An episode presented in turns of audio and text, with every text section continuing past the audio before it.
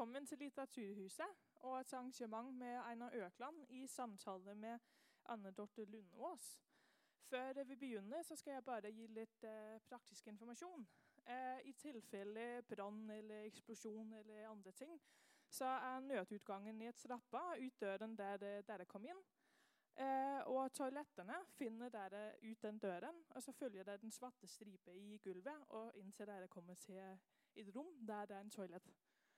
Eh, og til de som ikke har funnet ut, så er det mulig å kjøpe drikke i baren. Eh, vi kjører på med arrangement sånn ca. en time. Eh, og etter det da blir det mulighet for å stille spørsmål til Einer. Så ja, da er det bare igjen gi en varm applaus til aftens hovedperson.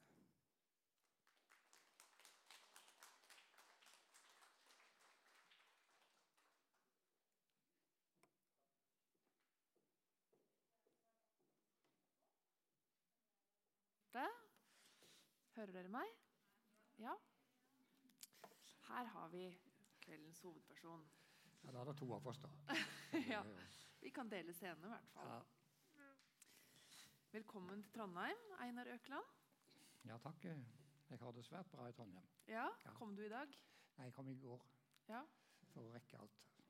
Er det noe du pleier å måtte se når du er her? Eller Nidarosdomen? Nei, den har jeg liten interesse av, men jeg har jo vært og klatra utapå den. og oppi, Jeg har fått vist alt som er inni, så å si. Fordi jeg var heldig og var med i en gjeng som fikk en omvisning. Så jeg har sett mye der, men jeg, jeg er ikke veldig sugen på Nidaros. Nei, det er jeg nok ikke sånn. uh, Ja, men Det er et ærlig og fint svar, det. Ja, Ja, det er veldig, veldig ærlig svar og, og sånn. Eh, men eh, jeg blir litt lattermild når jeg tenker på veldig mye som har med den storyen å gjøre. da. Og når du klatra utenpå Nidarosdomen? Ja, altså Ja. Det er noen smale ganger du går på, så du kan nesten eh, ja, så bred omtrent bare Ja. ja, så, så folk går på når de har ærender oppe, og sånn, håndverkere og sånn. Og der ble Ja. omvisning inkludert også. det. Oi. Uten så å si kroppsvisitering og blodtrykkmåling og alt sånt. Det hadde sikkert ikke vært lov i dag. Så, så jeg har sett det både utenfra og innenfra. Eh, kan du si, og gjennom og sånn. Eh, og fikk sett disse her skapene med kunst som disse kunstnerne krangla om, og som hele byen vet om sikkert. Og sånn. Eh, og så var det Men det er Norge og kongedømmet og katolisismen og liksom og sånn. Og de er jo ikke katolikker her. nå, så Du tror jo ikke på folk når ikke de er katolikker. vet du, har denne katolisismeimportøren som dø- død her og ble kanskje kanonisert og kanskje ikke. Og som ødela som jeg vet, alle gjestfrihetsformene. For det ble så mye turister ikke sant, at de begynte å ta penger istedenfor at de var serverte gode ting til forbipasserende på ruta her. Ja. Ja, sånn, ødela turi- tidlig turisme, altså. Ja, ja, sånn, eh, Nå, vi, all, vi er allerede langt ute på viddene, vi nå. Ja, og det- det Sånn der er godt å være. Ja. ja. Vi får prøve å liksom komme oss tilbake til eh, forfatterskapet ditt og deg, som er jo det vi skal snakke om her i dag. Um, lyd? Litt, Eh, Vil du ha denne opp? eh? litt høyere lyd. eh. Er det jeg som styrer lyden, eller er det du? Det er deg, ja. Fant, Ja, men ja, du har da- tatt vekk den som lå her, Ja, ja. fant, uh, ja da. Ja. Ja. Ok, fordi eh, du har jo skrevet over 80 utgivelser. Vet du hvor mange eksakt Nei, jeg selv? eh, har ikke telt i det. Det- tallet 80 kom opp en gang, men det inkluderer nok også en del bøker som jeg har redigert, men ikke skrevet all teksten i. Ja, Men jeg har liksom vært eh, det er mye. Ja, jo, det er vel sånn, men altså eh, Det er et forsvinningsnummer, det, selvsagt. Sånn, det, du blir pulverisert. Når, fordi det blir så mange. Nei, altså, det, det, jeg ser på det som en vellykka dekkoperasjon. Altså, sånn. Uh, en, ja. En dekkoperasjon? ja, altså, du, du blir ikke definert av publikum så tidlig. For de tror hvis du, hvis du er den store barnebokforfatteren og den store krimforfatteren, så får du være det resten av livet. Ja. Jeg har ikke lyst til å være noe spesielt resten av livet. Bare holde på med tingene mine. ja. Sånn, og pusle med de, Det er vel mange som har det sånn. Og når du lager forskjellige ting så, altså De som leser diktene mine, de leser ofte ikke uh, sakprosaen. og De som leser barnebøkene, sier å, de er så kjekke, de barnebøkene. Men de voksne nei, har jeg dessverre ikke sett. Mm. Jeg har gjort begge deler. Jeg har vært overalt, og det syns jeg vanlige folk bør være litt komplekse og sammensatte og ha ulike Det er jo noen, da, men altså Hvis du er definert av uh, offentligheten eller noe sånt, så Noen syns det er hyggelig å strebe etter å bli anerkjent som Mm. den store spenningsbokprodusenten. eller sånn, Men jeg vil heller unngå det, selv om det kan være spennende hvordan jeg kommer fra det prosjektet med livet i behold. Altså. Uh, ja, det, det er bare en fornemmelse en har. Eh, jeg har alltid følt, følt meg sammensatt litt, og syns at andre er det også. Mm. Så det er en del av påstanden om at folk er, har flere sider enn de vet sjøl iblant. Mm. Og du har et veldig mangslungent forfatterskap. Bare Hører alle godt nå? Ja? Bra. Eh, og eh, det jeg har eh, skrevet her, da, når jeg har liksom gått litt igjennom, har liksom satt meg litt inn i ditt virke, er at du har jo da ikke én stemme heller. Én ting er at du har skrevet både barnelitteratur, krimlitteratur Ikke krimlitteratur, kanskje, men altså, du har skrevet essays, noveller for ungdom, historier, noe du kaller småprosa. Og så er det mange som vil si at du først og fremst er poet. Jeg vet ikke om du er enig i det? Jo, det er jeg enig med, men det betyr bare at jeg har en, et leserblikk som har sans for poesien i stoffet.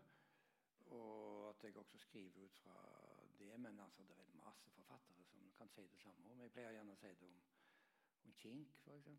Mm. Eh, som skal være stort sett prosaister. Men altså, der kan du slå opp nesten hvor som helst og så finne en poetisk passasje. eller altså noe som er Trenger ikke lese hele boka og for å se hva Mm. type forfatter du har med å gjøre. Og det, det er ikke så enestående. Det er en del som, som har det sånn. Jaha. Så, men altså de som bare er innlevd i en sjanger eller noe slikt, de skal jo leve av det òg. Så Mm. jeg er jo ikke imot at folk pusler med det de syns de skal gjøre og kan best. Men Nei. jeg, jeg, jeg er glad i variasjon. Og, ja. For Du er glad i variasjon og, har mange ulike stemmer. Men eh, noe som også er litt definerende, er at du er jo litt sånn nedpå og skryter ikke så mye opp deg sjøl. Det var du jo et godt eksempel på nå, egentlig. Mm, Nei, men det, det, det kan jeg forklare rent sosiologisk. Ok? Det er ikke noe nothing personal. Så dette det Nei, altså når du, når du skriver på nynorsk, så kan du skrive hva som helst. Du, du, selger lite og får lite applaus uansett. Og hvis du får applaus, så er det, er det ikke noe kjøpekraft i den. altså det er bare... Sånn at, og det gir en sabla frihet. Altså, det er ingen sånn forventning. Oh, det sto helt feil. altså sånn. Nei, du venter deg ikke den typen. Det, det ligger så tidlig. Altså. Det, og, og da kan du nesten uh, bli ufin i det du skriver, for ingen arresterer deg for det heller. Sånn. Det, det er litt det skulle, det skulle folk visst før, kan du si. Så, så, så for, hvis, hvis Ja. Nei, jeg skal ikke snakke mer om det. Men, Men, men, eh, hva er det altså, eh, Hvis man da ikke skriver for eh, pengene altså Man gjør vel til en viss grad det også? Ja, men altså- pengeforventninger noe annet. Jeg vil gjerne ha mye penger. Ja, Takk. og det skjønner jeg godt. Jeg vil gjerne ha det selv. Ja, ja, sånn at jeg deler, deler, jo, jeg deler jo de fattiges kår der, altså. De, fattiges sukk. Jeg syns ikke det går mer penger, men altså Jeg gjør ikke visse handlinger eh, å, som jeg tror kan smelle, for det vil gjøre meg latterlig, for det vil ikke føre fram. Mm. Nei, faen eh, Det Nei, det Det er sånn tror jeg de fleste nynorskskribenter har det. Mm. Eh, altså sånn eh, mhm. Men eh, eh, Ja, nei, jeg skal ikke si mer om det. Men, Ja. Nei, jeg, Men nei jeg, jeg er litt sånn søppelmann. Altså. Jeg, jeg skriver for gjenbruk. For gjenbruk? Ja. Sånn at tingene mine kan leses ti år etterpå og Ja. fremdeles være interessante. Mm. Håper jeg på. Så der har jeg litt, eh, litt sånn eh, Jeg har med litt med forfengelighet eh, der. Så derfor har jeg også trykt opp en del av disse her leilighetstrykkartiklene mine i denne boka som ligger oppe på Ja. toppen her. Det er jo gjenbruk av de som har vært brukt før i en annen sammenheng. Men Mm. de er laga slik at de kan leses av en som ikke var i den situasjonen som teksten Mm. opprinnelig ble bestilt til. Man kan jo si at det er et kvalitetsstempel at noe kan leses igjen utenfor Ja, sin det samtid? er, det er en kvalitet, selvsagt, men den kan jo også Kokebøker kan jo også det, selv om det blir dårlig mat. altså. Det samme oppskrifta neste gang du står opp på side 75. Så det, er- det er ikke noen garanti i og for seg. Neida. Men altså, det kan sies på den måten, da. Ja. Kan sies på den måten. Og I den forbindelse så tenkte jeg da at jeg skulle finne fram eh, det aller første diktet du fikk på trykk i Haugesunds Avis Ja. i 1959. Hvor gammel var du da? Jeg var født eh, i 1940 eh, i januar, eh, og var altså da hvor eh, 19 og tre kvart år Ja, cirka. Straks 20. Uh, vil du lese det diktet for oss? nå? Eh, Ja, det kan jeg godt lese for Ja. deg, for det vil bli så forferdelig å høre deg lese det. Altså, Det kan hende at det fortsatt står seg. Jeg vil heller lese det forferdelig sjøl. Hva sa du? Jeg vil heller lese det forferdelig sjøl, fordi at det er da skrevet på bokmål. Oh. Ja, og det å høre seg sjøl på bokmål av andre, det det vil jeg heller i hvert fall være forbryteren sjøl. Ja, Eh, det har jeg forståelse for. Men altså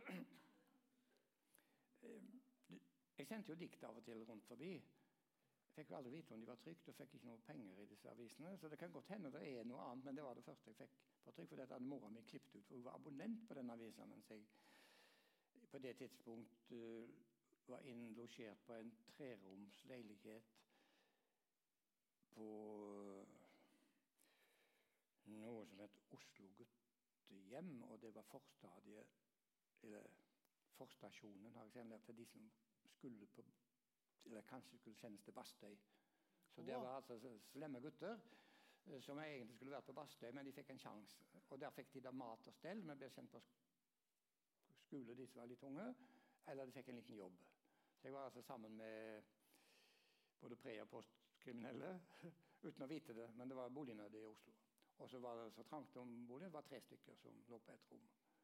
Den ene var født tre måneder for tidlig og hadde tenner akkurat som Roqueforos. Han kunne brekke ut en for han hadde pyrea. Se her la han noe av tennene på bordet. Og han spilte trombone, sa han, men uh, han hadde dårlig uh, ambosjyr, tror jeg. så det var ikke noe. Men Den lå under senga hans. Den andre lå med ryggen til på en sånn klappseng og hadde vært i England og fått artium av nåde av eksilmyndighetene. Han skulle studere, men han var mye eldre enn oss. Lå med ryggen til og trodde han skulle bli forfatter, og snakket over seg. Så han satt og snakket. Og da kan du føle deg veldig normal sjøl om du er eh, lyriker. Så da sendte jeg ting, men altså, mora mi hadde klippet ut dette. så jeg vet altså. Men eh, de andre de vet jeg ingenting om. Men jeg debuterte først fire år etter. Ja. Da skrev jeg og prøvde å få ut ting, og så fikk jeg ikke noe ut før i 1963. Nå skal jeg lese dette, fordi det, er- jeg har jo trykt opp i et forord her som ingen leser. Altså, men det, det er jo et portaldikt da, som jeg er litt kry over å ha skrevet det i dag. Sånn, eh, Som holdt- distansert leser så syns jeg det var pokker ta, altså. Jeg vil si, jeg vil si at det, det står seg ganske godt, det. Men, Ja, det, det, ja, ja, fordi det var en sånn en, eh, sa, Hva heter det? Sånn forutskikkelse. Så, Altså, det virker som jeg har forstått meg sjøl mye bedre enn jeg har gjort. Uh, ja, Nok av det. Det er et sånn sjølutleverende dikt. Mine veier er mange, jeg går dem aldri. I hvert fall ikke til endes. Jeg søker på tvers og slår ofte leir og sover i gule blomster, helst der hvor ingen kommer. På min ferd gjennom livet, på let etter noe vi aldri har sett, trår jeg varsomt i gresset, og morgenen etter er sporet mitt vekk. Og for å si det fort Det forsvinningsnummeret er jo liker jeg godt. altså En skal forsvinne litt eh, når han skriver. Og samtidig vise at ens egne veier og sånn. Og han skal ha mer enn én vei. Og jeg helt at jo, jeg kan godt skryte av, eh, av teksten, for det virker som en helt annen skulle ha gjort den. Jeg kunne, hadde jeg funnet det, hadde jeg kanskje sitert det. sånn, Satt det fram i en bok og sagt dette skrev liksom den og den poeten. Og det synes jeg er bra. Men iallfall, jeg tok det jo ikke med i noen bøker seinere. fordi det var på bokmål. Men eh, en gang jeg skulle la- la- lage dikt i utvalg, så kan du skrive mye rart og sitere litt i et forord. Eh, Så da, da har jeg tatt med det der. Sånn. Det er, eh, Det er litt yndig dal. Det er ikke helt sentimentalt, for det ender med en forsvinning. Og det beklager seg ikke. Bare si at mine veier er mange. og Jeg går ikke alle.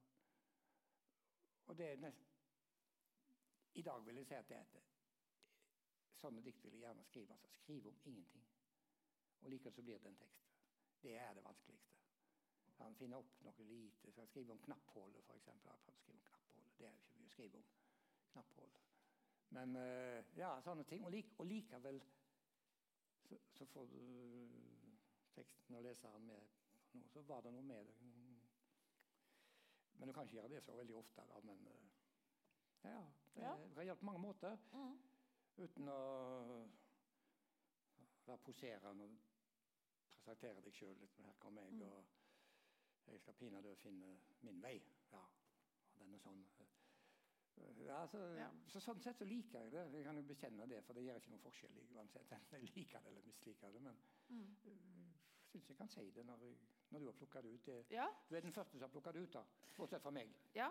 Ja, det er Og, det, og det var, jeg hadde lyst til å begynne med begynnelsen, men så hadde, hørte jeg også på et intervju med deg hvor du sa at du faktisk var eh, at du kunne stå for dette diktet. Hvis ikke så tror jeg ikke jeg hadde bedt deg om å gjøre det.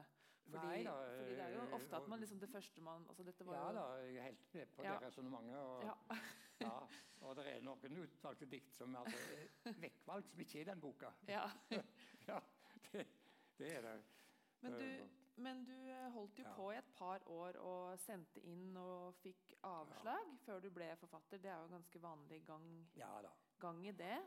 Og Eh, Men det er ikke vanlig Men altså, det pågår. Da er det Nei, det eh, Om ikke oppsiktsvekkende eller nedsiktsvekkende. Altså, da kan du bli deprimert. Og, Ja, Var Ja. det vanskelig? Mm, ikke vanskelig annet enn du følte deg som en idiot som hadde prøvd deg, og håpte ingen så uh, hva du prøvde på. Og sånn. Jeg gikk ikke rundt og beklaget meg til folk og sa Hanken, de der inne forstår ingenting. Nei. Så jeg, eh, selv om det var det jeg mente, da. Ja. Eh, i, i, litt etter litt så er det jo takk og pris. Takk og pris, liksom at Det var bra du ble forfatter. Ja, ja men takk og pris at ikke de trykte det der. Altså, eh, Jeg prøvde alltid på noe nytt neste gang. Og det var ikke sånn at når jeg bare kom i posisjon, så skal jeg trykke alt jeg skrev først.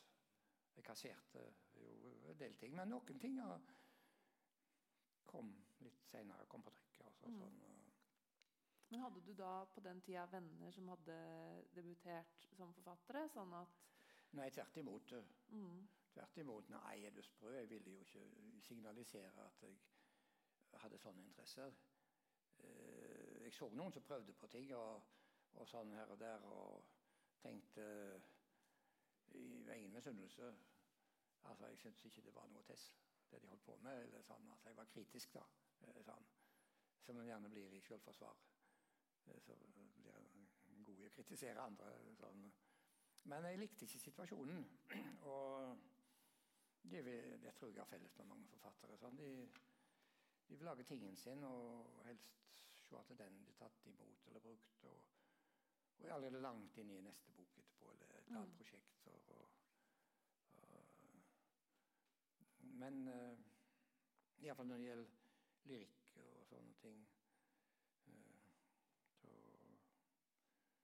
uh, Ja.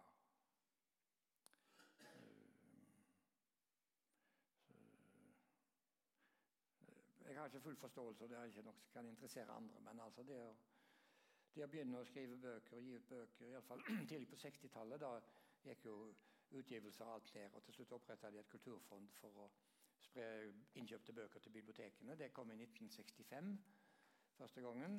Og det har aldri vært mindre lyrikk gitt ut enn dette var bunnår omtrent. når jeg debuterte da. var veldig, Så jeg var en av de få som, som kom der da. Sånn.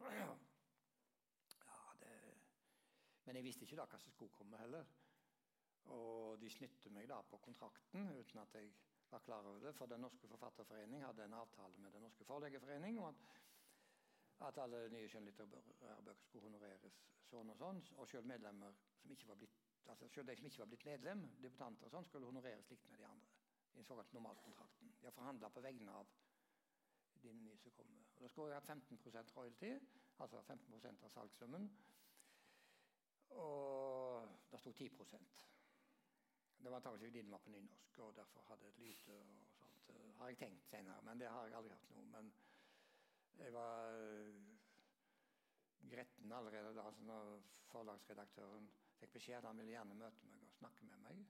Sånn, det var før boka mi var kommet eh, ute i handelen. og sånn, og jeg nekta å møte han. Jeg møtte aldri opp. Da, ja. og fikk aldri høre mer om det. Han var kanskje glad, han også. Mm. det, det var forlagsredaktør Grot på Cappelen Forlag. Mm. Som var ja, Men du var jo eh, standhaftig, da. Du holdt ut og prøvde igjen og igjen for å bli forfatter. Hvorfor var det viktig for deg? Nei, det var teksten og skrivinga. Jeg hadde ikke noe liksom, syn om at nå skal jeg komme i den og den posisjonen. Eller sånn. Jeg skrev og ville gjerne se det på. I dag ser jeg jo helt annerledes på det. Og det er helt eh, normalt, altså. Det, dette er sånn som retorikerne Det er blitt et nytt fag med retorikk. og sånn. Jeg har aldri tatt noe retorikk, så jeg har ikke lært det før de hadde lært det. Altså. Men altså Tale det er nærkontakt, og skrift det er fjernkontakt. Mm. Fjernkontakt. Ja, og jeg vil gjerne ha kontakt, men jeg er ganske sky og tilbaketrukket i sosiale situasjoner og, og sånt. Og springer ikke etter folk for å bli kjent med dem, eller noe sånn. Men jeg vil gjerne at de har kontakt med meg, sånn, og de jeg har snakket med, har ikke noe problem med når jeg først står til. Men, jeg, men det at jeg kan bli lest av noen jeg slipper å kjenne, og sånn, og de står fritt i forhold til det jeg har gjort og De leser jo ikke hvis de ikke liker det. så La de det være. Så, så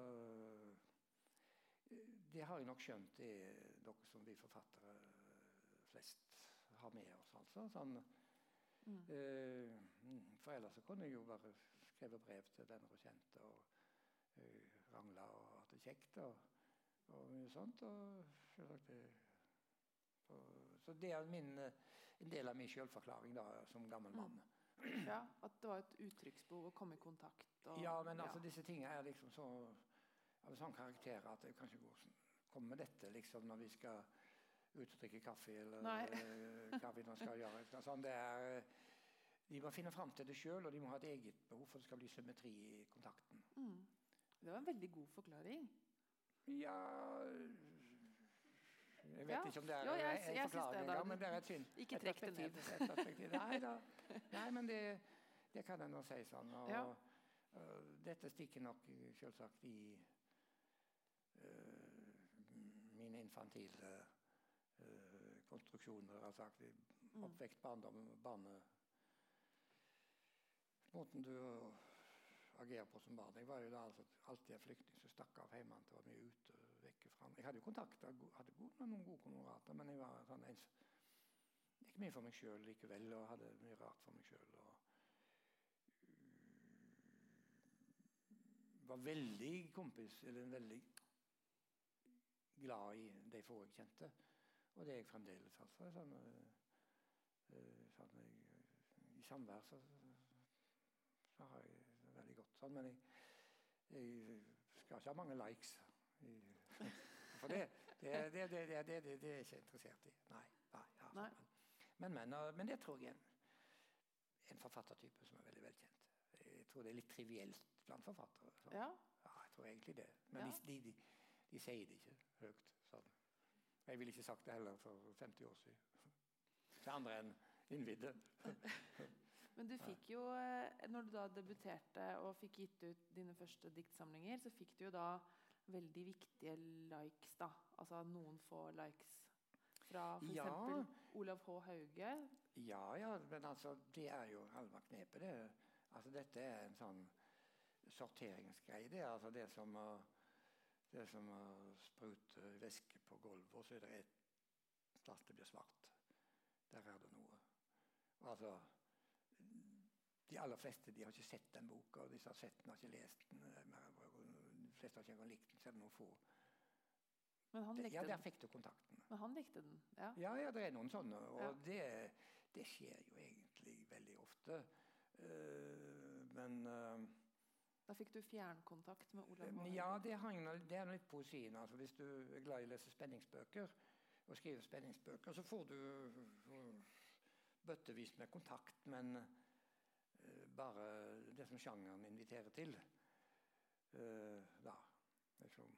Og det er stort sett ja, det var sånn, Jeg kunne ikke legge det fra meg, jeg måtte lese videre sånn hele tida. Altså, dette var, dro meg inn, og det var, og det var så flott bok og spennende. Så nå kommer neste. Mm. Sånn. Men det er ikke det jeg ville snakke med. altså. Hvordan tok han eh, kontakt med deg, og hva sa han? Nei, akkurat i det forholdet der, altså. Jeg, jeg var jo refusert av hans forlag uh, da. Og de hadde da en uh, forlagssjef som ikke akkurat forsto Hauge så veldig godt, men som var jo happy fordi at noen hadde likt disse bøkene og følt seg det. Så når jeg ble refusert en gang og snakket med ham, så sa jeg kan du skrive sånn, så klart vi gir det ut. Og du vet, eh, hvem vil skrive lik en annen for å komme ut sånn? Hvis du ikke vet det sjøl, da gjør du det gjerne iblant. altså Da likner du på noen uten å være klar over det. Men altså, Å etterligne noen, det vil vi ingen gjøre. sånn. Men da fortalte han jo litt om Hauge, som hadde hatt sine psykiske ting, og at han hadde fått et manus igjen en gang med noen kritiske kommentarer. Det hele, hele greia inn i ovnen og brente og sånn. Og kom med den slags historier.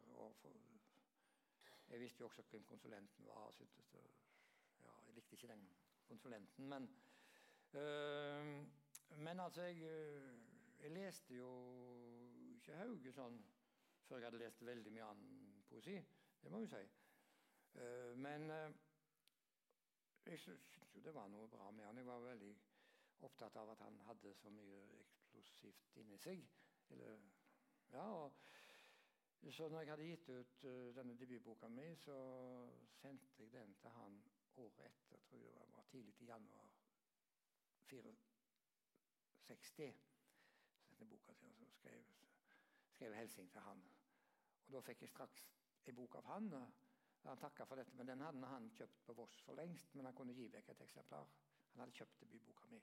Oi. Ja, så fikk han sagt det, da, sånn, og så sendte han en bok til meg. Og, og siden den tid så, så, hadde vi jo kontakter. Han, han inviterte jo til å komme til Hardanger, men Ulvik det er langt inne i Hardangerfjorden.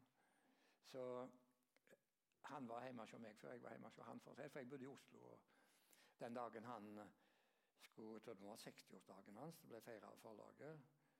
Da dagen etter tror jeg det var, Da kom han til Grorud, der, der jeg bodde. og Hilste på Pål Helge Haugen, som også bodde i et hus der oppe, og var hjemme hos meg. Og Da hadde han sovet på kontoret til forlagssjefen. og De hadde ikke bestilt noe hotell til han, men de hadde redd opp en benk som var på forlaget. Og det er jo sånn nynorske forfattere kunne ha det. sånn, Det vil jeg gjerne ha sagt. sånn. Og noen av oss uh, merka oss dette. ja, ja, ja, ja det, Men altså, sånn ble vi litt kjente og snakket om mange andre ting enn om disse to bøkene våre. Det kan jeg love deg. Ja. ja så, så.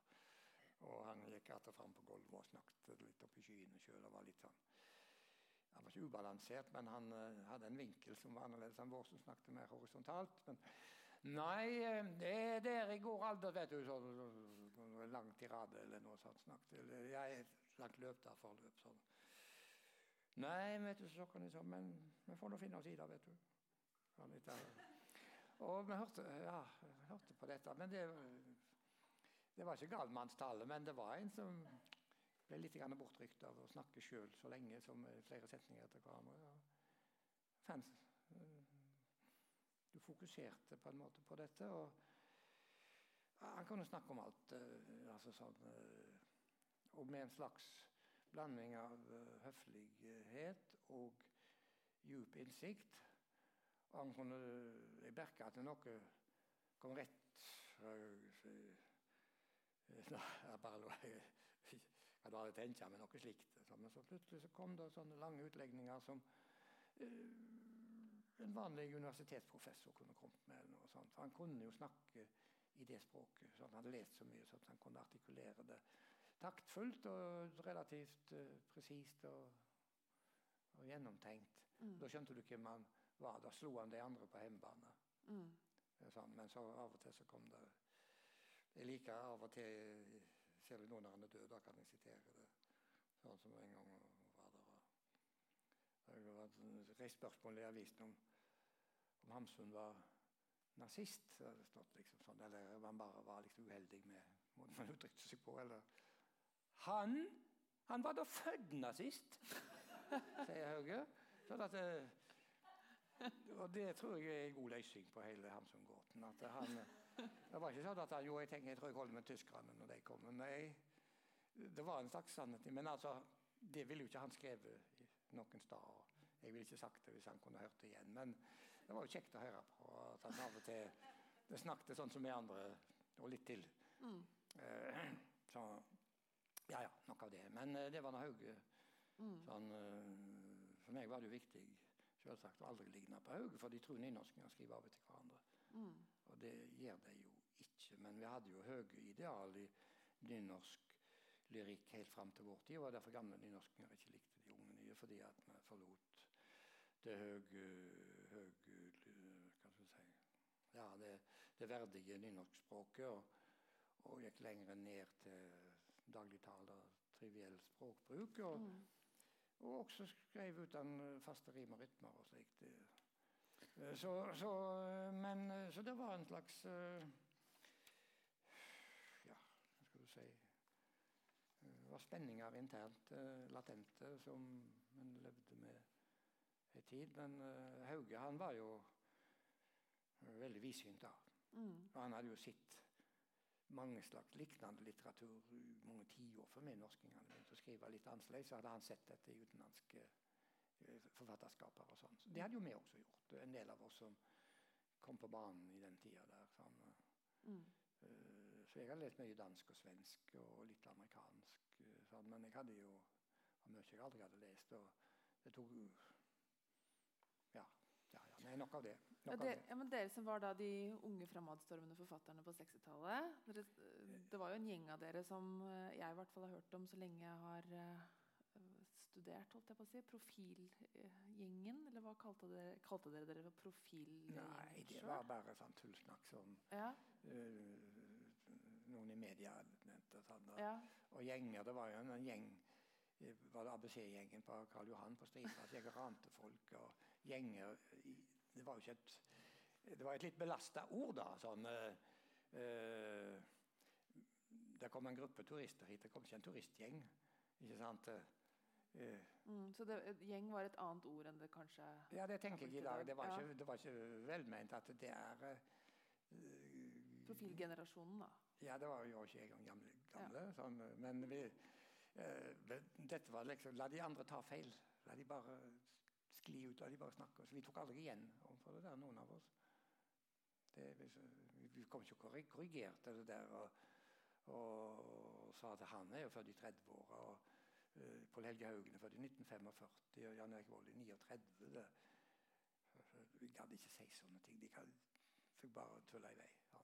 Og vi så jo hverandre samla bare noen få ganger i livet omtrent. Altså, Det var Mm. nesten aldri mer enn to-tre samtidig. Altså, hele redaksjonen var nesten aldri samla.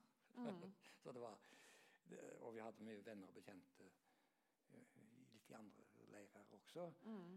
Uh, så, men det, det brydde vi oss ikke så mye om. Og sånn, og, og ingen av oss hadde lyst til å bli i det der bladet så veldig lenge. Men vi så det som en mulighet til å trykke disse tingene av oss sjøl. Mm. Den perioden. Vi, kom oss ut derfra frivillig. Vi ble ikke kasta vekk. Vi trakk oss ut av det. Jeg var av de tidligste som trekk meg ut. Ja, og det var vel litt Vi kan komme tilbake til det. Det var jo litt, kanskje litt sånn politisk eh, splid i, Å nei, i, det var, etter det var var det noen ikke år etterpå. Nei, da, Ja, det var noen år etterpå, ja. Ja, okay. da kom alle eh, disse hva skal du kalle det, sånn partipolitiske For det ble det jo, da. Eh, Vi var jo ikke partipolitikere. Ja, ingen tro at Jan Erik Vold er partipolitiker. Nei. Eh, Han, Nei, nei, jeg, og heller ikke meg, da, eller hvem som helst. eh, Pål Helge Haug er ikke noen. Nei det, men jeg tenkte vel mer på da eh, de som ble AKP-meldere i, ja, det var noen sånne eh, som ble det, altså. Mm. Og, Hvordan opplevdes det da, å være dame? Ja, jeg kan ikke svare for annet enn uh, meg sjøl og noen få andre. hadde nesten sagt. Så. Nei, det var vondt og pinlig. å å bli erklært for klassefiende, som vi ble da sånn ettersom som tida gikk.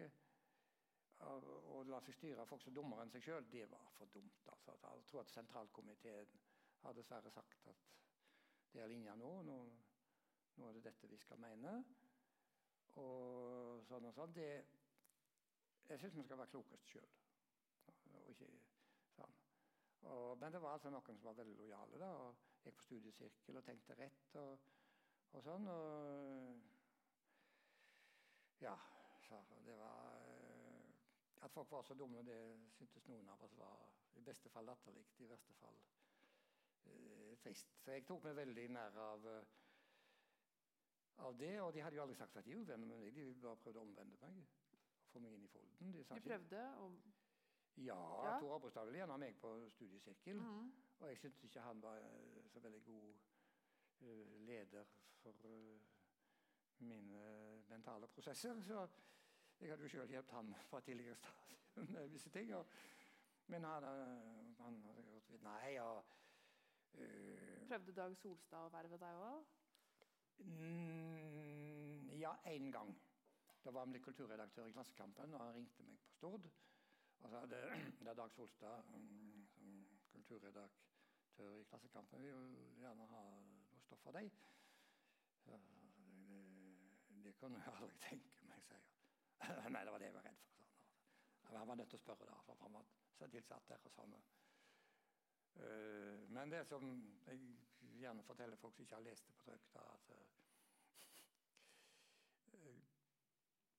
En annen som var jo som vi hadde mye samvær med, var Georg Johannessen, som var jo født langt bak i 30-årene. Han sa jo dette om det, at de, de ble gale alle sammen av dette. Bortsett fra Dag Solstad, for han var gal fra før. Så han fikk på en måte en Hva heter det i Nidaros Grid? Altså, han ble tilgitt. Uh, og han hadde også skamma seg litt. Grann. Ja. ja. Men det kan en ikke alltid si og, om det er sånn. Men altså, skamma var ikke det at de hadde ekstreme standpunkt, men at de lot seg styre av folk som var dummere enn seg sjøl. Det syns jeg var utillatelig.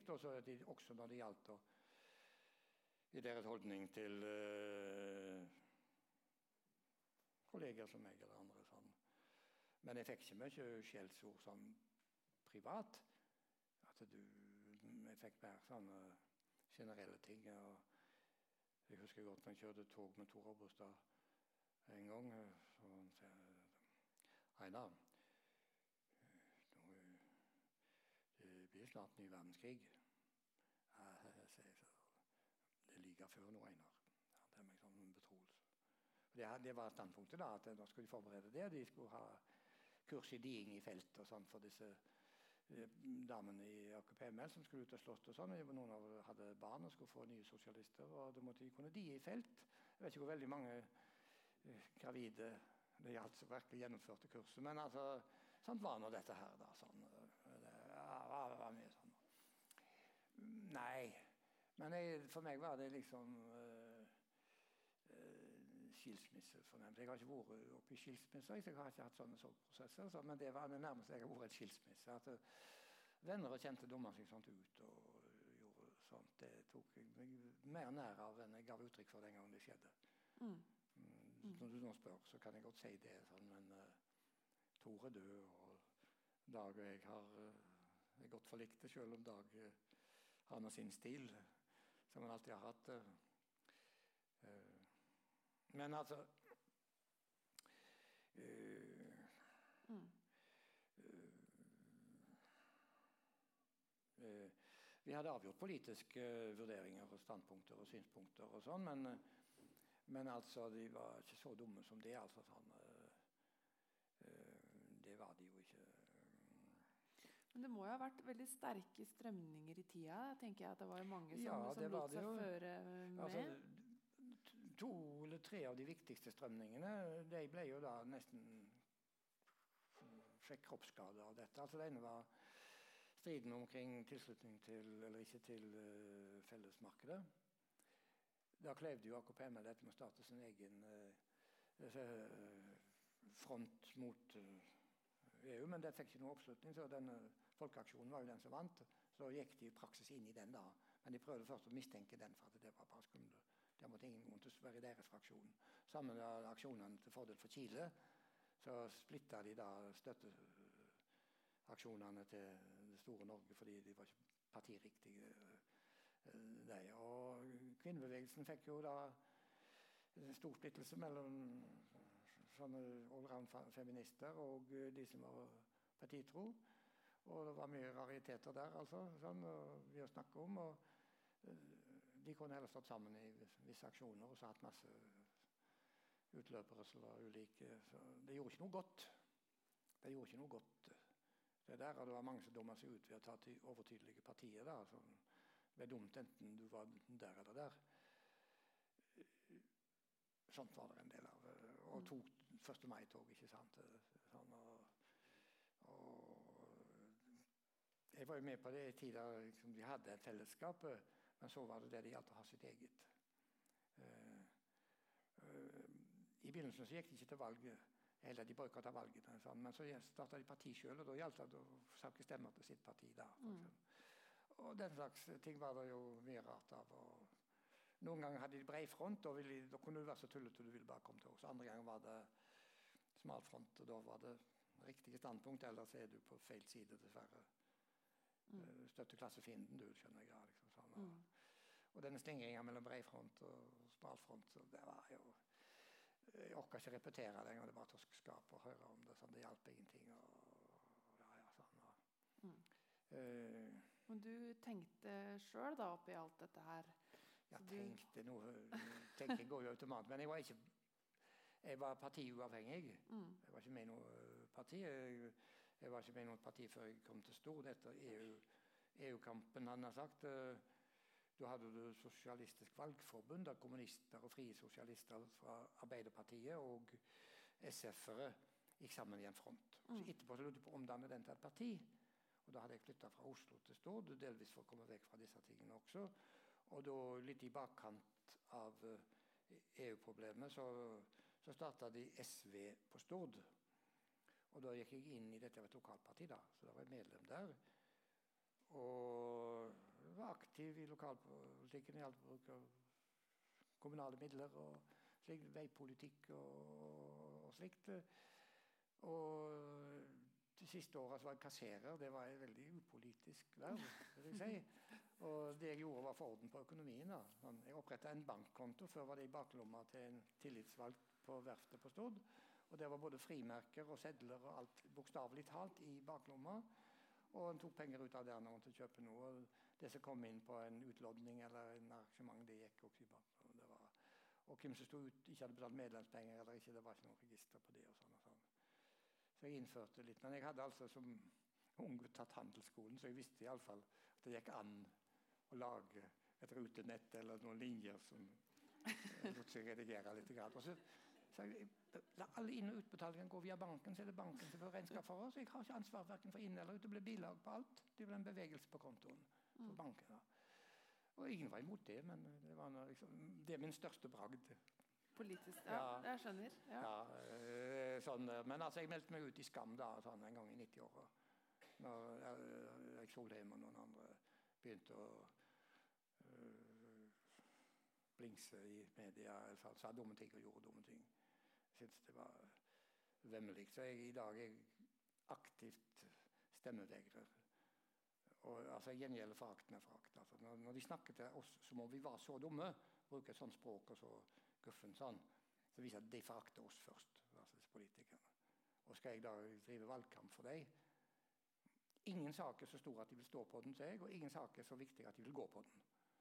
Men de vil gjerne være med Gjerne være med. Mm. Ja, Det er mitt, mitt stygge snakk. da, så, så mm. Det har ikke noe med dette i kveld å gjøre. Det er litt ulitterært. Men altså, Nei, siden men du spør, så, så det, kan du godt vite det, for det er ikke noe forferdeligheter med det. men... Oi, du må holde på den siden så ikke den sklir på. Jeg fant fram fra, fra den tida her, da, eller fra 1968, 'Vandreduene'. Ja, ja. Som er en av de diktsamlingene du er mest fornøyd med. Har jeg også gjort research ja. til, men jeg vet ikke om du er enig? Ja, det er min verstselger. Din, best, din verstselger? Ja, det er det. Sånn. Jeg er veldig fornøyd både når han har lagd boka, og syns det er mye gode tekster, og det er en god handling med bok. Altså. Men uh, det, det, det, er ikke dermed sagt at den kommer i stadig nye opplag. Men for meg var det et vendepunkt, den boka kom. Det kan jeg godt si. Og, mm. Og det er mange dikttyper som ikke har vært uh, på plass før. og mange sånne ja, nye må, For meg nye måter å gjøre det på. Det er f.eks. prosatekster innblanda med dikttekstene. Og, og det er pastisjer på måten sidemåter. og det, er det veksler mellom å være veldig intimt personlig og være veldig upersonlig. Og selve vandreduene det har ikke dere hørt om hvis dere ikke har lest den boka der. Men det, det heter 'Passenger Doves' på engelsk. Og det var noen duer som levde vilt i Amerika, som de oppdaget. Og de samla seg i svære svermer, de var svermfugl.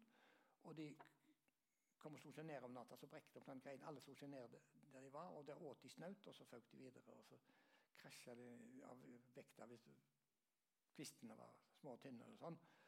Og da lå folk liksom og gikk og slokk to de hevne stokker og ga mat. Jeg ga det til grisene sånn, som fôr og sånt. Det har jeg lest meg til da. Og de var så lette å drepe. og sånn.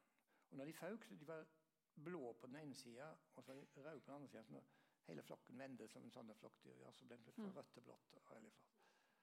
Og den siste levende vandredua den ble skutt i 1914, altså når verdenskrigen begynte. Og det er det jeg har lest om dem. Men den, den som beskrev dette, det var en fransk-amerikaner eller noe slikt, Audibon. Eh, og han ja, han gifta seg nå, og allerede som nygift tok han ut på en veldig ekspedisjon og skulle beskrive Amerikas fugler. Og gi ut et stort verk, og han skulle tegne og male alle fuglene. Så store som de var. Det ville bli en veldig svær bok, selvsagt med vingefang og sånn. Og var vekke da i månedsvis og sånn. Og så reiste han rundt i Europa og samla subskribenter, men det var nesten umulig å få. Han gikk til masse fromme og mektige folk, men de ville ikke. Så han skrev hånlikt om kulturlivet i Europa, hvor mange han fikk. Og fikk, han fikk veldig få i ett land og mange et annet. Altså Frankrike og England opp mot hverandre. Det ene landet han har flere subskribenter. Men i alle fall, han skriver da om vandreduene. Og jeg har gjengitt hele hans tekst som et stort dikt. Uh, ja, og, og selvsagt, du kan lese det veldig close, og da får du vite om noen fugler som du knapt har hørt om. Og så kan du lese det så symbolsk som du ville lest hvis det var helt subjektiv tekst av Einar Økland. Mm. Og i dag er altså The Audubon Society det er altså omtrent så hele USA vet at det er sånne museer og sånt over dyreliv, naturliv og så Han er blitt en veldig anerkjent person som, som det deles ut priser og sånt. Men, men den gang var han altså i dette var vel 1840-åra. Hans da han var gift og sånt. Så det er nå det, da. Men det, det ja. står i denne boka. Og, ja. ja. ja. Hvor, eh, nå fant jeg bare fram det første diktet. Ja. Syns du det er best å lese det? Ja, hvis du ber meg lese det, så leser jeg det. Så har jeg gjort nytte for meg. Ja, vær så god. Eh, det gjør jeg gjerne, men det, det er ikke et dikt jeg leser ofte. Men det å intonere et tonefall som ikke du så ofte ser i, i en diktsamling. Og det, det er en blomsterskildring, men uh, helt annerledes enn en del andre blomsterskildringer. Eller møte med blomster de fordømte blomstene. Her kommer de fordømte blomstene, dyra ikke kan ete. Atter. Uten honning og uten lukt i år som i fjor. Ingenting nyttig gjør de fordømte blomstene. Eter ikke engang fluger. Krever ernæring. Er det ikke nok at vi har de fordømte blomstene i herbaria, på museer, avbilda i våre bøker? Vi kjenner dem nå. Skal de aldri slutte å komme? Ja. Og, ja. ja. Det er nå det, da. Sånn. Ja. Det er mange som har trodd at dette var ja, Blomman, det er egentlig sånn han kaller diktene sine. da, sånn. Diktet er litt fordømte blomster som fortsetter å blomstre. De er helt unyttige. Dette er et metadikt. Et dikt om diktet. da. Men samtidig er det jo et møte med eh, natur som er veldig elska og beundra. Altså blomster, blomster, blomsterdikt er det mye av. Og roser og buketter og konvaller og sømrer og eh, svære ting. Og her er en som snakker negativt om det vakre. Mm. Som er plagd. Men de kommer jo likevel. Mm. Så, og det er ingen løsning han, han, sier ikke til slutt jo bare vent en gang, blir det nok slutt på deg også. Han sier ikke det, poeten her. Han, Så skal de aldri slutte å komme. Så det stivna i grimas, altså prektig. Kunne jeg sagt i dag, da. sånn. og det er, det er ikke noe innyndende dikter, det er det ikke. sånn, men... Men du var fornøyd ja. med den uh, samlinga sjøl? Ja, etterpå var jeg det, ja. faktisk. For jeg hadde gått utover mine egne grenser. Jeg hadde gjort ja. ting som var bedre enn jeg visste. Det syns jeg Kan jeg virkelig ha gjort disse tingene? Bitte, bitte små ting. Lange ting. Og jeg ser nok uh, i de fleste så uh, Du får den fram Har jeg gjort dette? Nei. Mm. Dette er kommet fra en annen sted enn den jeg har tilgang til vanlig. Så jeg kan skryte av boka uten å skryte av meg sjøl. Mm. Uh, på en måte. Det er jo, alle forfattere har vel iblant den følelsen. Omvendt også. Ja. Iblant er det forfattere som har skrevet en veldig god bok. Så, ja, ja, det var det bare jeg skrev. Da rakker de ned på boka si som om det der var det ingenting. Og, og de der uh, måtene å omgås egen tekst på, de uh, Publikum omgås jo også sånn tekstene. sånn Av og til sier at det der var fint. og sånn og det var bare noe dritt. og sånt. Og det føler seg helt fri til å si om andres tekster enn sine egne. Samtidig så, så handler jo de tekstene om ting som leseren også kunne ha knytta seg til. Som er litt grann i samme terreng, bare med avstand mellom oss. Leser, altså en, en, forfatter er også en leser. Altså, så ofte leser han sine egne ting med stor framankjensle, som det heter. Så, har gjort dette, dette var rart. og sånn. Han sier ikke 'Å, dette er mitt hjerteblod', og ja, nå håper jeg de hører på meg og forstår meg.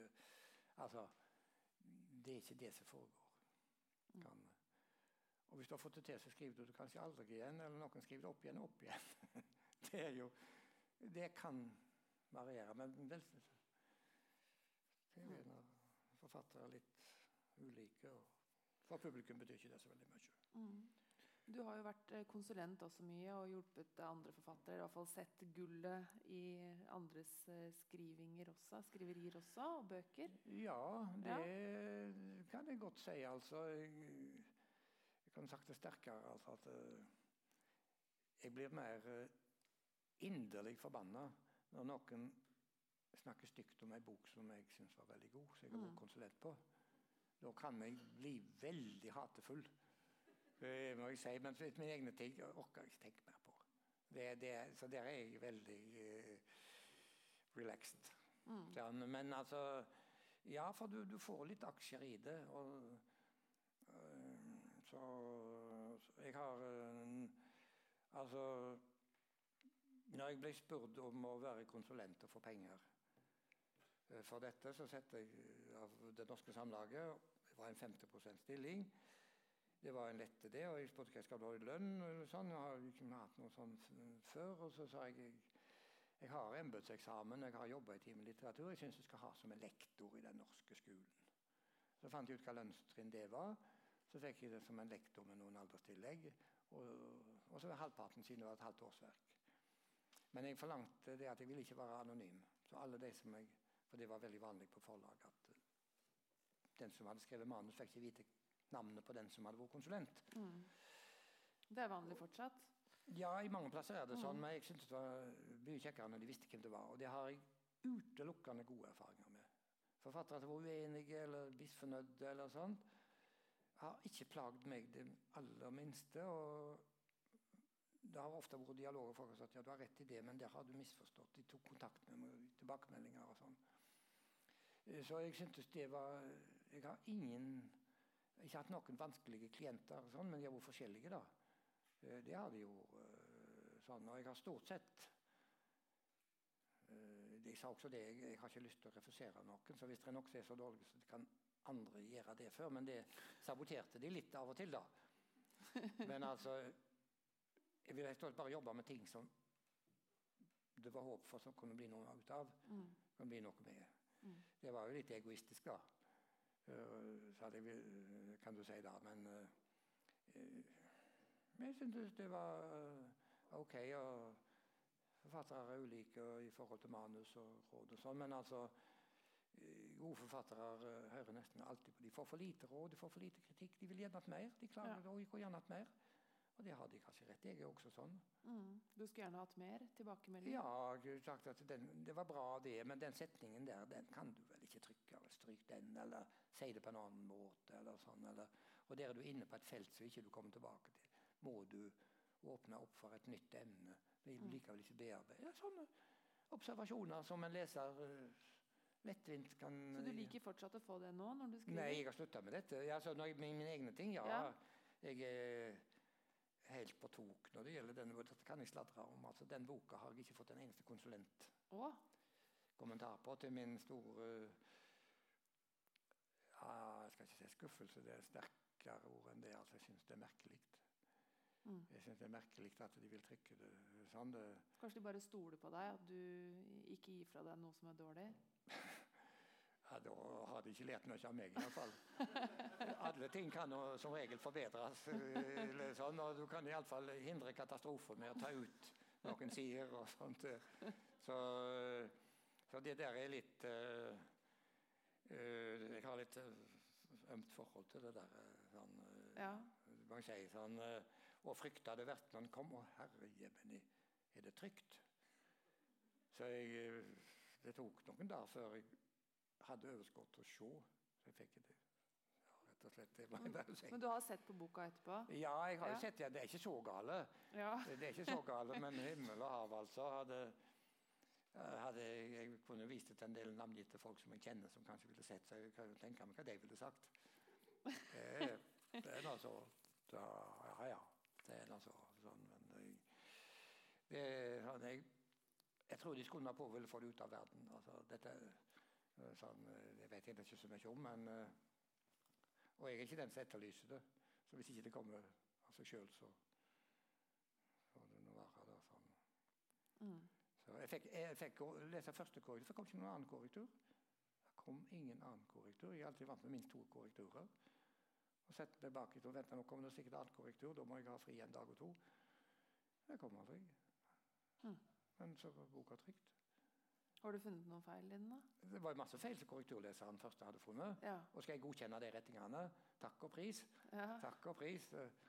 Men altså, jeg, våger ikke se så nøye. Jeg våger ikke se så nøye. Jeg, orker ikke, jeg kan ikke gjøre noe med det likevel, så jeg orker ikke ødelegge livet mitt. Nei. Jeg blir så ufattelig sur hvis er, jeg har gjort uh, dumheter som jeg ikke trenger å gjøre. Mm. Jeg vil heller gjøre tilsikta dumheter, da. det, det, er noe, det er noe annet. Det er veldig mye spennende tekster i denne om vennene dine og Jo, altså, jo. mange av forfattervennene dine. Georg Johansen Ja, jo, ja, det er kanskje det. Sånn, og uh, Olav H. Hauge. Jo, men det bestilte tekster. Ja, og dette her er, du har eh, svart på forespørsler du har fått? Men de har jo ikke diktert hva som står i teksten. da. Nei? Nei, som de, som de I bygda der jeg kommer fra, der, der har de en sånn fast klisjé seimåte. De, spør liksom hvordan eh, hvordan liker du den nye naboen din, f.eks.? Sånn. Så sier de kanskje innledningsvis ja, når du spør så dumt, så svarer jeg så dumt. Og så kommer det et eller annet. Mm. Og når du spør så dumt, så kan, svarer jeg så dumt. altså. Den nye naboen din, sikter du til Agnes Ravatn, da, eller? Nei, jeg mente ikke Kom konkret sånn. Men hvordan, liker, hvordan liker du den nye presten? Eller hvordan Å, ja, liker, sånn, ja.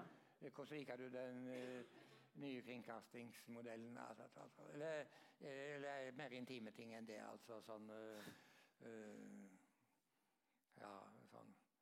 Men altså, de sier alltid ja, når du spør så dumt, så svarer jeg så. Det er på en måte for å frita seg sjøl for alt Ja. ansvar. Sin.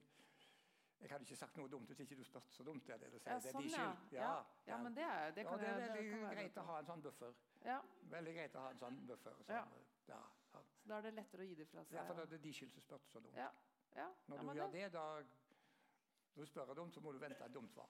Så det er litt sånn eh, Det eh, frigjør kreativiteten din. At du tenker ok, nå har de villet ta dette, da får jeg bare gjøre det Ja, iblant så har jeg det, men jeg må si som regel når folk spør meg om et bidrag, så, så tenker jeg jo straks på Har jeg sagt fra før det jeg har å si, så skriver jeg ikke noe om det. Men er det ikke, det har jeg aldri sagt. Kan jeg si noe om det? Kan jeg si om det? Og så kan jeg noe, men, men vil de ha det, da? Og så tenker jeg at ja, hvis jeg pakker det inn eller sånn at det kan det kan brukes, uh, men likevel så står det noe som de aldri vil finne på å spørre om. Så uh, en nytt anledning. Du kan si uh, ja, Når du ikke vet hva du egentlig hva du spør om, så får du kanskje noe du ikke venter. Mm. Det er en annen måte å si det på. Mm.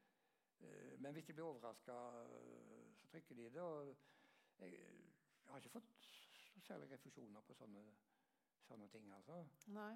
Eh, Men de har blitt overraska iblant over akkurat Over de Det er de som sitter i en redaksjon eller som har et ansvar for trykksaken. og sånn. Men eh, jeg syns det er kjekt med utfordringer, særlig hvis de spør om noe som jeg aldri har tenkt på. Sette ting i gang. Mm. Det hadde du pinadø godt av å tenke på tenke med meg selv. Det var godt noen spurte. Ja, og, ja, det Mm. ja, så det, de måtte ha det på. og Så det baller jo på seg. Altså Alle sånne redaksjoner som skal ha bidrag, de, de, de trenger jo stoff. da, så vet jeg hvor, så Når noen har begynt å spørre, så begynner andre også. tror jeg. Så jeg, så jeg er litt gjenganger i en, viss forstand. Mm. Og du skriver jo veldig lett, da, åpenbart. Du har jo gitt ut veldig mange både bøker og artikler. Jo, men de er litt forskjellige. ja. Ganske forskjellige. Mm. Jeg vil, vil, ikke skrive hyllingsartikler og sånne folkeopplysende at Jeg vil fortelle noe som enten på en måte som ikke de venter, eller med et stoff som ikke de venter, eller med en bevegelse i handa, altså i, i, i lesefarten eller sånt som ikke de venter. Så det blir en vil, skal være noe forlystelser med det, da. Mm. Uh, og så får du lagt noen makker. jeg skal. Du får alltid sagt noen ting som eh, ikke hører til der, men som er veldig greie når de først er der. Enten det er noen sannheter, eller det er eh, det motsatte. Så ja. Så det, det, det kan være litt kjekt. Det Mm. kan være litt kjekt. Og, så, så, eh, ja. Det, det, det Og da er det en sånn ytre igangsetter av uh, skrivinga di, på en måte, mens når Ja. du skriver dikt, så er det en indre, et indre Ja, da kan jeg ikke skylde på andre. Nei. Nei, det Nei. kan jeg ikke. Nei, det har du helt rett i. Mm. Nei, det, det kan den ikke da. Sånn. Så ja, det, Jeg har nemlig tatt med eh, noen eh, dikt fra den eh, seneste diktsamlingen du har gitt ut da. Eh, 'Rosemalte selfies', Ja. eller omvendt. ja. Og den har jeg eh, ikke i fysisk eksemplar, jeg har bare skrevet ut noen. Du verden, ja, den, den står jo stilt ut her, så jeg syns jeg så den i døra. Ja, den sto kanskje her. Er den, den der er til salgs, ja. Men jeg har i hvert fall skrevet ut noen av de diktene jeg ville at du skulle lese fra den. har du det? Just- Ja, ja, For her er det ingen andre å skylde på, så jeg tenkte at det var kanskje Nei, det er da så, men det er, det er, den boka er jo delt inn i avdelinger. da. Det er Ja. suiter eller noe sånt. Jeg husker ikke i hodet hvor de er fra, men det trenger ikke bety noe. Dette er fra første avdelingen. Okay, om Eh. det er som selv, ja. Ja. Jeg ville gjerne at du skulle lese litt fra den. Jeg likte de diktene veldig godt. ja vel. Ja, nei, vet du, du er ansvarlig for uh, utvalget, så Ja. Ja. Magdalena, så, du vet hvem Magdalena var? ja. Altså Maria Magdalena, eller Ja, hun det som vasker? Jesu føtter. Ja. Har du hørt om Magdalena hjem? Eh, ja Du, du vet iallfall hvem som var der hvis det, når du hører det? Nei. Hvem på det Magdalena var, hjem? det var falne kvinner. Falne kvinner. Ok, ja. Ja, Mm, ja. Sånn, ja. Jeg skjønner. Magdalena har sett eh, litt av hvert, så hun skulle hatt Jeg tok bare noen dikt fra første. Ja, altså jeg det, var- det siste her er bare litt fra forordet, det kan jeg ta. Ja, uh, jaha, jaha, jaha. Dette er jo Du må jo ikke lese alle, altså. Men- eh, for det er jo sånn som du skriver nå, tenker jeg. Um, Det som jeg skrev da Jo, jeg, har- jo, jeg I gjorde nå det, men, men det er forskjellige, forskjellige avdelinger med forskjellige diksjoner og forskjellige typer ting der. mm, Så jeg kan ikke tenke meg at en vanlig publikum og vil hoppe sånt inn i seg sjøl fra den ene til den andre tingen. Nei. Så det, det er en bok du blir litt trøtt av og, og sånn. Men Uh, les, eh, ett, les et dikt, da. Og så er den litt sånn pratete. Den første et kameradikt er jo pratsomt. da. Eh, Den heter 'Til et bilde av et kamera'. Og vi har jo alltid sett bilder av den nye Leikaen og den nye Hasselbladen. Og, og sånn. eh, Det hender kamera blir fotografert, nemlig. Eh, og så står det en liten betenkning. Et kamera får deg ikke til å minnes, knapt til å glemme. Et kamera kan ikke slikt. Alt et kamera kan, er å være med deg som ei lita ekstra bør. Ikke tung, ikke lett. Sånn som du sjøl er ett med deg sjøl. Nesten umerkelig. nesten unnværlig, faktisk. Takk. Ja, det var altså umerkelig. Mm. Nesten unnværlig. Du kan være med deg sjøl. Hvordan vet du at du har et dikt når, når Utelukkende når du har lest det. Ja. Men, men hvordan, når du skriver det, hvordan vet du liksom Sitter du og skriver det fram, eller er det sånn at du får en idé, og så skriver du det Nei, jeg skriver ikke ut fra ideer. Nei. Nei, jeg er veldig eh, mot ideer. Men, eh, sånn, jeg, jeg kan ikke tenke meg jeg har en idé, nå skal jeg kle på den liksom, og uh, stoffliggjøre den og fremstille den. Sånn. Nei. Det, er- som, som karikatur kan jeg gjøre det. Ja, jeg kan godt henge ut en idé. Og det har jeg nok gjort her og der. eh, Men det er andre ideer som jeg sjøl er skeptisk til. Eh, Men jeg kan ikke at liksom, da skal du høre en god idé, en flott idé, så skal jeg skildre den for deg sånn du får lyst til å overta den. Altså, nei, det, det. Men altså, dette er litt prosessuelt uh, sånn snakkete litt grann sånn. Ja. Ettertanke kanskje og sånn. Dette er kjekt. Og streif, det heter jo streif, det er bare noe som går forbi. Smil. Det er noe fjernt med smil. Det likner brev som er sendte uten å være skrevne. Eller brev som er stålne og lesne høyt uten å være åpna. Slik er det å være alvorlig. Ja. Eh, stort sett får du bare lyst til å holde kjeft etterpå. altså Du har ikke mye å si. Og det å skrive dikt som stopper munnen på folk, er også kjekt. Stopper din egen munn også. Her står det Jeg kan ikke si ja. Ja. Eh, Et Magdalena-dikt. Dette var egentlig til feministene. Da. eller En kvinne som har sagt det. da. Det er Magdalena sitt sukk. Jeg syns hun kan få en liten hilsing. Og så er det en favoritt hos meg, det er 'Snømannen'. da. Sånn. Jeg har gjort et, av og til et poeng da, ut av at i Nasjonalgalleriet så finner jeg ingen maleri som viser en snømann. Ennå det er en av de skikkelsene som folk må ha sett og sett og sett i oppveksten. Alle sammen er veldig folkelig eh, skulptur. Mens du finner på norske postkort, da, så jeg har samla på postkort som viser snømanner. Og vi har en berømt snømann i i Lølands eh, barnetekster. Ja, eh, de som sitter inne i en isbjørn, og som reiser de. Sånn. Men det er nå så. Her er Magdalena som tenker på ismannen. Eh, Magdalena Sokkane sto av kolon nesten etterpå. En snømann smelter. En snømann stivner til is. Og noen som leste omvendt, altså. En snømann smelter.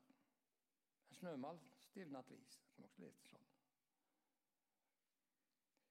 Om det fins to sorter kjærleik, fins det bare én sort snømann. Hun har et syn på menn, vil jeg si, Magdalena.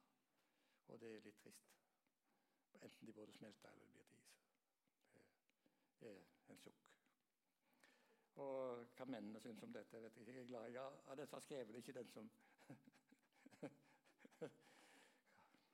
Jeg snør meg for øyeblikket. Men samtidig har jeg jo gjennomlevd både den som smelter og den som stivner. Altså.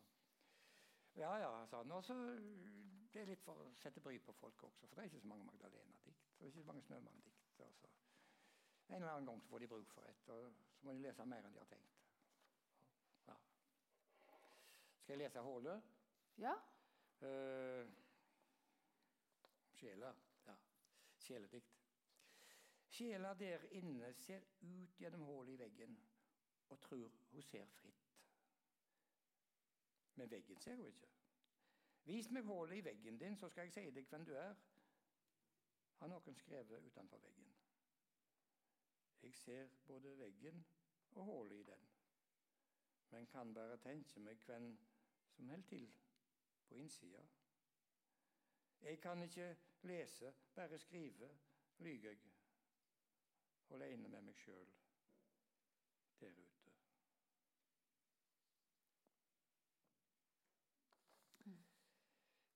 Takk. Ja, ja. Det, Det er det er fælt å høre sånn sent på kvelden. Men det står nå skrevet der. Jeg kan bruke det som en vil. Ja, ja. Men det er flere sjeledikt i den boka. Det Ja. Også, ja. Og navngi sjela, det er jo nesten tabu. Så det er nesten som å ha et fyord. Å snakke så lettlivet av sjela, det eh, Men det gjør vi jo rett som det er, og så legger vi rart i det. Noen ganger betyr det personligheten og vesenet, noen ganger betyr det noen aller innerste som ikke vet og ser som er der, Mm. og så videre og så videre. Og så videre sånn. Men jeg synes det er morsomt når du skriver om sjelen, fordi det, det kan jo fort bli litt sånn svevende og drømmeaktig og litt sånn flaut, på en måte, å skrive om noe så stort Ja, og svevende som sjelen. Men du drar det jo veldig ned på landjorda, da. Blant annet eh, blir det sammenligna med det å sitte på en veldig lav krakk. Ja, det er litt ja, sånn Ja, da er du en annen. En annen. Et annet dikt, Det tok jeg ikke med her, da. Ja, nei, jo, ja, ja. Men å sitte litt lavt og ukomfortabel på en lav krakk og være fornøyd med det, det er liksom noe sjelen vil Eller ja. da man, kan man ha det bra i seg sjøl, da, på en måte. Så, jeg, så, jeg, så du klarer å gjøre det, Det på en forekommer. Ja. så du kommer, eh, du kommer unna med å skrive om sjelen, det syns jeg. Ja, du bruker rette ordene du si unna, for det gjelder å komme seg unna. Ja. Det er ikke, det er ikke grenser for hvor mye dumt du kan si om sjelen.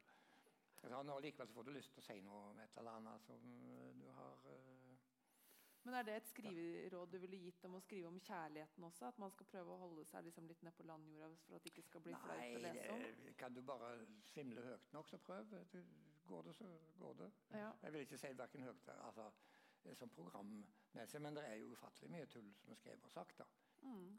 Jeg tror vi skal begynne å runde av, jeg. Ja. Ja. Så er det mulig å kjøpe bøker der ute. Kanskje til og med å få en liten signatur i boka, eller hvis man er heldig. Ja, de har jeg ubegrensa av, for å si det sånn, men Ja. jeg bruker de så sjelden. ja. ja. Det Så det. da. tusen takk eh, til deg, Ja, tusen takk til publikum, og fortsatt god lørdag. Ja. Takk for meg. God lørdag, alle. Eh, eh,